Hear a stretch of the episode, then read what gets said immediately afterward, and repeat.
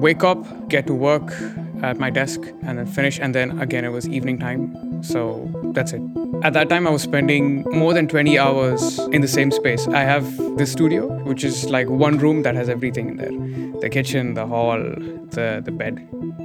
At the start, there was this routine that, that was there during regular days, but it was increasingly difficult to keep that routine. So my routine got distorted.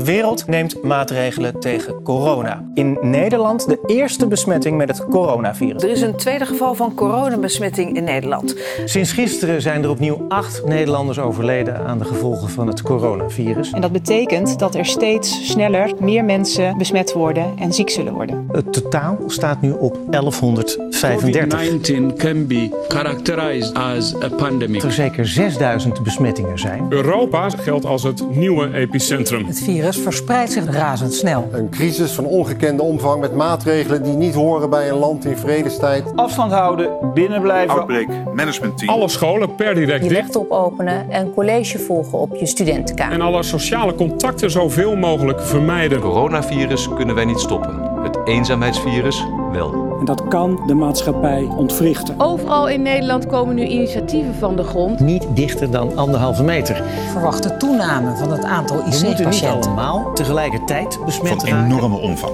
Patiënten die daar soms weken tot maanden op wachten. Noodkreet van de Nederlandse Federatie van Specialisten. will have to learn to live with the virus. Het testproces bestaat uit vier stappen. De ontwikkeling van een vaccin tegen COVID. Via een app waarin een QR-code wordt gescand. Uh, er zijn zelfs scheid aan coronafeestjes. In het Leidse van der Werfpark werd de anderhalve meter regel niet nageleefd. Eén op de vijf jongeren dacht er zelfs over na om een einde te maken. We have to protect each other if we want to protect ourselves. Gebeurt dit echt? Hoe ernstig de situatie is waarin we zitten, dat dit ook niet over een paar weken weer weg is, dat het lang gaat duren. Niet zomaar Iedereen voorbij. Drie jaar geleden stond de wereld op pauze. Op de voetbalvelden werd niet meer gelopen. In de theaters werd niet meer gespeeld. In de restaurants werd niet meer gegeten. De klaslokalen, terreinen en musea waren leeg. Op de pleinen was het oorverdovend stil. Er werden boodschappen gedaan voor de buren, geklapt voor de zorg en halsreikend uitgekeken naar straks als het weer kan. Corona had ons allemaal in de greep. Hoe beleefden wij deze tijd? Stadsgezelschap PS Theater blikt met tien Leidenaren terug op de periode die voor iedereen onverwacht kwam en ons leven compleet veranderde. I am Kishor. I come from India and I came here for work. I first started my master studies in Spain and then I got an internship in the Netherlands. And then I just stayed on uh, for work. That's why I came to Leiden. So I live here now and uh, I've been living here for about three years.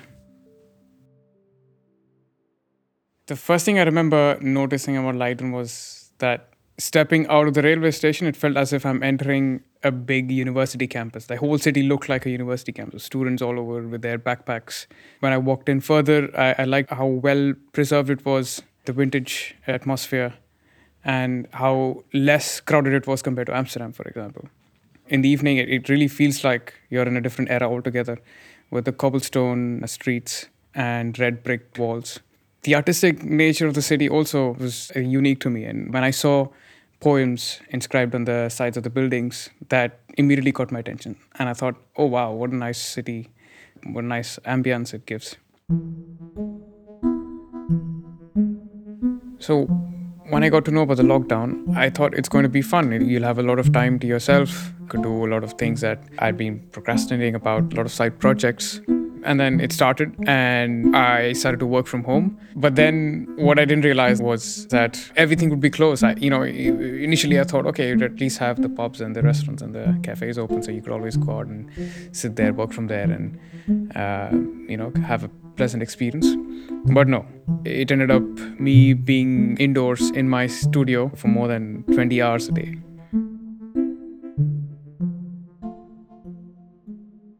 But eventually, you know, you figure out you definitely need more of social interaction. And and for someone uh, who comes from abroad as an expat, I, I felt that social interaction was all the more important because apart from work, there's nothing much else, you know. You don't have family that you can drop in anytime at will. And I also live by myself. So initially I thought, okay, it's going to be fun, you know, I get more time by myself.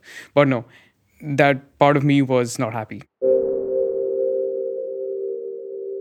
And eventually it got to a point where I would get up just half an hour before work and then land straight at my desk, which is also not a good thing because you wake up and you're bang at work and suddenly there's this huge inflow of information and emails and things you've got to do. I think that was not good. I think where it stems from is, well, to start with the isolation, and then suddenly you feel, oh, okay, you don't want to be in this place again. So you want to make sure that you have people around you and don't lose whoever's around you.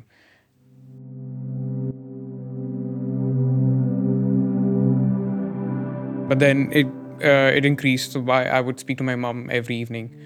In fact, it was my mom who started calling me every evening. So me and my family, we were at that point. I think conversations were more or less platonic. We just share about what's happening, what's happening at work, and how am I doing health-wise and stuff. I think during the pandemic, you one, you know, the whole isolation sets in, and you tend to miss all the things that you initially took for granted, right? You know, having having a family around, having someone to ask about you, and having someone to sit and you know eat your meals with. So that kind of made me realize, okay, you know what? Let's not be platonic anymore. Let's ask, really ask what's going on. Ja, de verwoestende coronagolf die India in zijn greep heeft, blijft zich uitbreiden.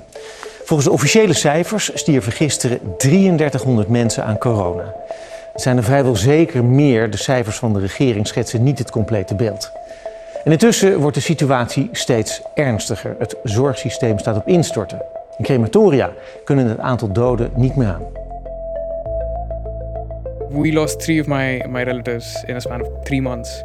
Yes, that, that was a, a very tough time. So the first person to go was one of my mother's brother, the younger one. That was a shock because you know they were all healthy.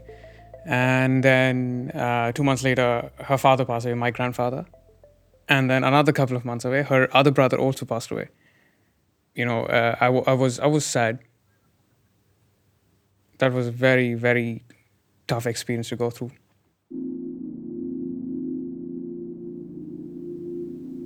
It was a traumatizing experience, I must say, because I was here by myself, and and my family was there. So the lack of not having anyone to share your thoughts, I think, was bad. You, it, it's probably nice to have someone uh, when you're going through such a difficult moment.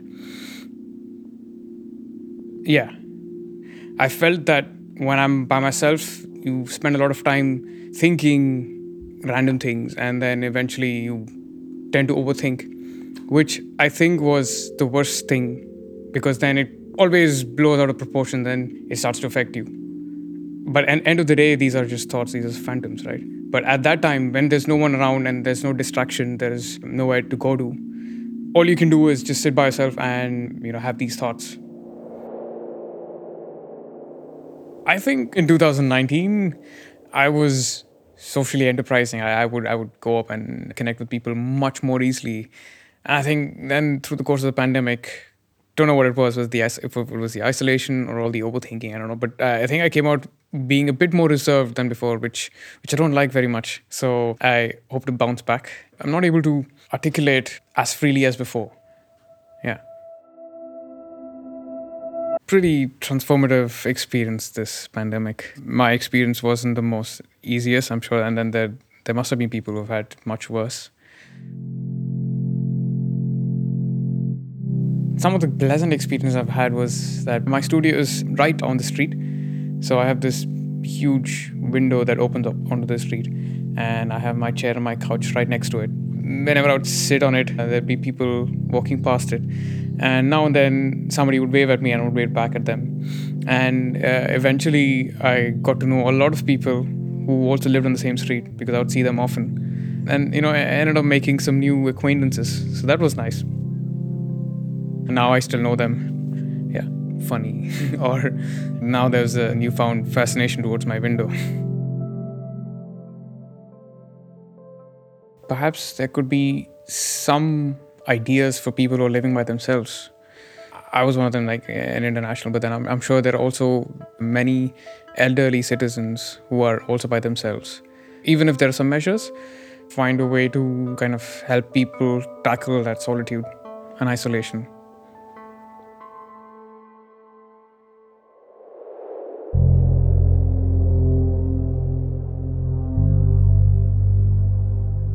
Wanneer de coronapandemie een steeds stillere echo wordt en de wereld weer sneller draait dan voorheen, lijken we soms te vergeten wat er achter ons ligt. Een periode van onzekerheid, verlies en spanning, maar ook een tijd van verbroedering, vertraging en hoop. Bovenal waren het drie jaren die levens veranderden. Soms groots en rigoureus, soms subtiel en bijna onopgemerkt. En niet voor iedereen is het zomaar voorbij. Sommigen hebben nog elke dag te maken met de gevolgen van deze periode. Wat hebben we nodig om diegenen die achterop zijn geraakt te helpen?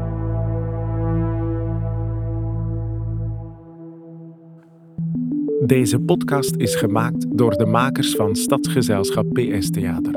Thijs Huis, Julia Smits en Pepijn Smit. In samenwerking met de gemeente Leiden. De muziek en mixage is in handen van Ralf Gerritsen. Wij willen Amina, Kishore, Leendert, Lonneke, Aukje, Peter, Sylvia, Trudy, Walter, Samer en Ali heel erg bedanken voor het delen van hun verhalen. De korte nieuwsfragmenten die voorbij kwamen waren van het NOS-journaal, Nieuwsuur, het Jeugdjournaal, VRT Nieuws en de BBC.